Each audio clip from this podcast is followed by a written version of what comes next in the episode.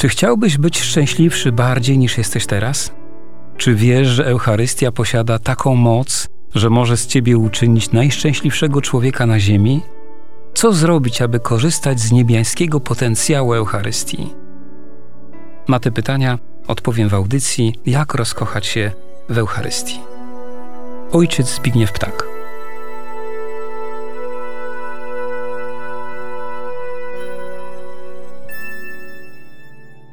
Pewnością stali uczestnicy naszych cotygodniowych audycji przyzwyczaili się do tego, że każde nasze spotkanie rozpoczynamy modlitwą. Czynimy tak dlatego, że temat naszych spotkań jest najświętszy ze świętych. Nie mamy na ziemi większej świętości jak Eucharystia. Dlatego świadomi, choć odrobinę, w jak wielkim wydarzeniu uczestniczymy, pragniemy uniżyć się przed wielkością i świętością Boga. Pragniemy wzbudzić w sobie akt wiary i miłości, nie tylko wówczas, gdy uczestniczymy we mszy świętej, ale również wtedy, gdy przez te radiowe spotkania poznajemy Eucharystię. Dlatego módlmy się naszą stałą, niezwykle głęboką modlitwą. Wszechmogący Boże, Tobie ofiarujemy krew Jezusa Chrystusa, krew wszystkich męczenników, cnoty i zasługi Jezusa, Maryi, Józefa i wszystkich świętych, w połączeniu ze wszystkimi mszami świętymi, do tej pory sprawowanymi i tymi, które do końca dziejów będą jeszcze sprawowane, w intencji naszej żarliwej miłości do Eucharystii, w intencji naszego głodu Eucharystii i w tej intencji, abyśmy zawsze skutecznie opierali się pokusie zabójczej rutyny. Niech Was błogosławi Bóg Wszechmogący, Ojciec i Syn i Duch Święty. Najpierw, jak zawsze, przypomnienie poprzedniej audycji. Przed tygodniem mówiliśmy o fascynującym wydarzeniu, które ma miejsce podczas Eucharystii, a które nazywa się przygotowanie darów. Kiedy kapłan modli się nad postaciami chleba i wina, każdy z uczestników liturgii winien duchowo dołączyć do tych postaci siebie, swoich bliskich i cały cierpiący świat. Mamy to czynić z racji daru kapłaństwa powszechnego, który już od momentu Chrztu Świętego posiadamy. W jakim celu mamy tak robić? Otóż za chwilę będzie konsekracja i Pan Bóg pokaże nam, jak wielką posiada władzę nad tym światem. Kawałek chleba zamieni w swoje boskie ciało, a wino w swoją boską krew. Jeśli więc Bóg posiada taką moc, że odrobinę materii nieożywionej może zamienić w swoje ciało i krew, to tym bardziej potrafi moje cierpienie, cierpienie tych wszystkich, których składam na ołtarzu, zamienić błogosławieństwo. Cały jednak problem polega na tym, że kiedy Bóg zamienia chleb w swoje ciało, to on nie pyta chleba o zgodę, gdyż on nie posiada wolnej woli. Natomiast gdy pragnie przemienić nasze cierpienie w błogosławieństwo, to on tak szanuje naszą wolność i tak nas kocha, że pyta nas o zgodę. A nasza zgoda i pomoc w tej przemianie to jest ufność, z jaką przychodzimy do Kościoła, to jest miłość, z jaką uczestniczymy we mszy świętej, to jest nasze rozkochanie się w Eucharystii.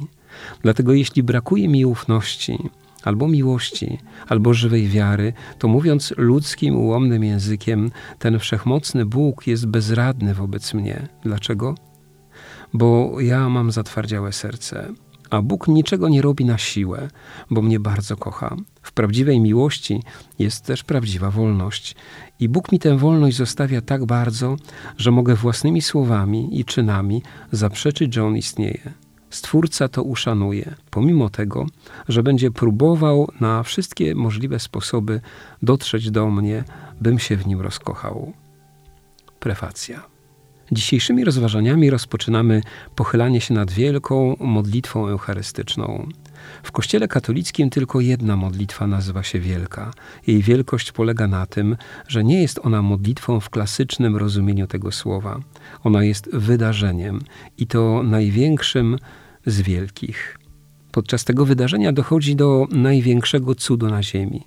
Jest nim oczywiście konsekracja, przeistoczenie chleba w ciało Boga, a wina – w krew Boga. Pierwszym elementem tego wydarzenia jest prefacja.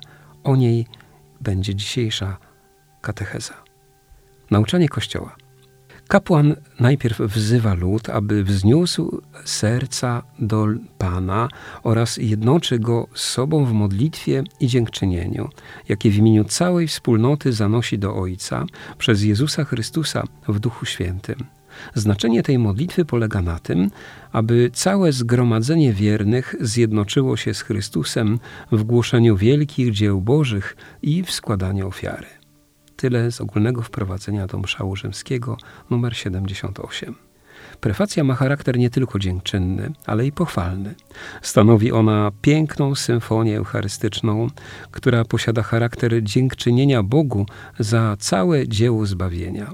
Słowo prefacja pochodzi z języka łacińskiego prefatio i oznacza najpierw pre, czyli przed, oraz fatus, mówienie. Czyli jest to przedmowa Kościoła, zanim przemówi Bóg. To wprowadzenie do świątyni Ducha Świętego i stawienie się przed obliczem Boga. Prefacja rozpoczyna się dialogiem. Pan z wami i z duchem Twoim. W górę serca wznosimy je do Pana. Dzięki składajmy Panu Bogu naszemu. Godne to i sprawiedliwe. Większość modlitw podczas Eucharystii poprzedzona jest wezwaniem módlmy się. Jednak prefacja, dla podkreślenia wielkości tego, co będzie się zaraz dokonywać, posiada potrójny dialog kapłana Chrystusa z wiernymi. Uroczysty charakter prefacji jest także wyrażony przez rozłożone i wzniesione przez kapłana dłonie, a także postawę stojącą wszystkich, którzy sprawują i uczestniczą w liturgii. W pierwszym wezwaniu Pan z wami ukryta jest bardzo głęboka biblijna treść. Pan Bóg kieruje podobne wezwanie do osób, których pragnie przeznaczyć do ważnych, a nawet niezwykłych zadań. Dlatego Stwórca zobowiązuje się do tego, że jeśli człowiek podejmie się tego zadania, on, Bóg, będzie z nim na drogach realizacji tego dzieła. Wezwanie drugie w górę serca. Serce w języku biblijnym i liturgicznym to nie siedlisko emocji, tak jak w naszym języku potocznym. To raczej całe jestestwo człowieka, to centrum człowieczeństwa i źródło wolnych decyzji człowieka. Święty Augustyn powiedział, że całe życie prawdziwych chrześcijan jest wołaniem w górę serca. Natomiast dominikański mistyk, błogosławiony Henryk Suzo, żyjący w Niemczech w XIV wieku, mówił: Gdy wołam w górę serca, zapraszam do uczestnictwa wszystkie stworzenia, cały świat, całą stworzoną rzeczywistość, czyli wszystko, co istnieje. Trzecia część dialogu to słowa Dzięki składajmy Panu Bogu naszemu, zaprawdę godne to i sprawiedliwe. W tradycji żydowskiej jest takie przekonanie, że dziękczynienie jest jedyną rzeczą, którą możemy ofiarować Bogu, której On nie mógłby posiadać, gdyby nas nie było. Sama prefacja zbudowana jest podobnie jak modlitwy dziękczynne zawarte w psalmach. Dziękczynienie składano najpierw za dar stworzenia, później za błogosławieństwo, jakie jest udziałem wiernych. Kolejnym tematem dziękczynienia były cuda, których Bóg dokonał w dziejach Izraela. Sama prefacja składa się również z trzech części. Najpierw jest wstęp, później rozwinięcie i oczywiście zakończenie. Pierwsza część jest przedłużeniem ostatniego wezwania z dialogu. Dzięki składajmy Panu Bogu naszemu. Zaprawdę godne to i sprawiedliwe. Kapłan na początku prefacji wypowiada między innymi takie słowa: Zaprawdę godne to i sprawiedliwe, słuszne i zbawienne, abyśmy zawsze składali dziękczynienie Tobie, miłosierny Ojcze. Słowa te są zaproszeniem do dziękczynienia składanego Bogu. Dziękczynienie bardzo ogólnie jest tu wypowiadane. Przechodzi ono jednak w drugą część prefacji, w której jest ono już bardzo skonkretyzowane.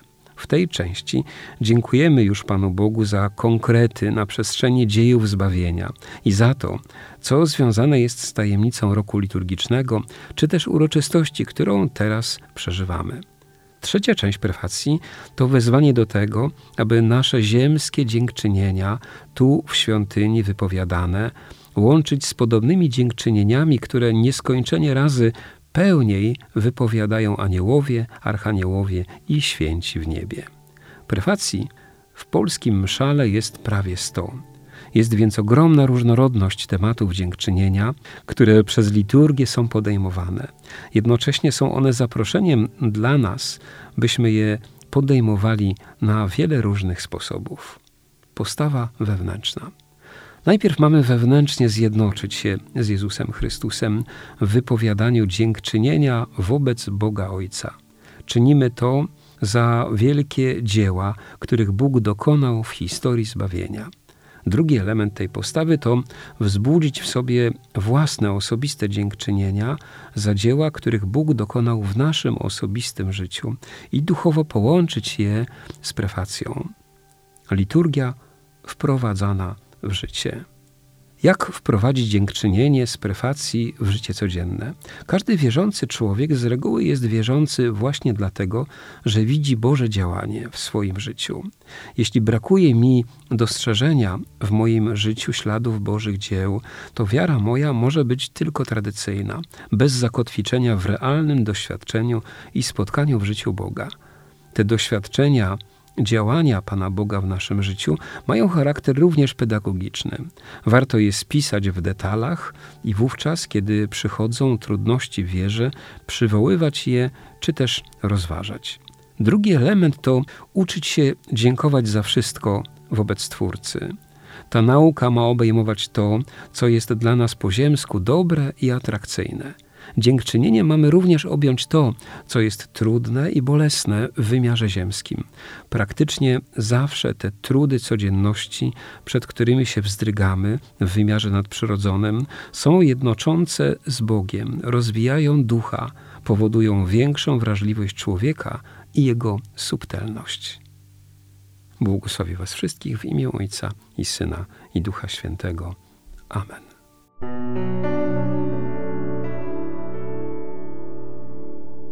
Czy chciałbyś być szczęśliwszy bardziej niż jesteś teraz? Czy wiesz, że Eucharystia posiada taką moc, że może z ciebie uczynić najszczęśliwszego człowieka na ziemi? Co zrobić, aby korzystać z niebiańskiego potencjału Eucharystii? Na te pytania odpowiem w audycji Jak rozkochać się w Eucharystii. Ojciec Zbigniew Ptak.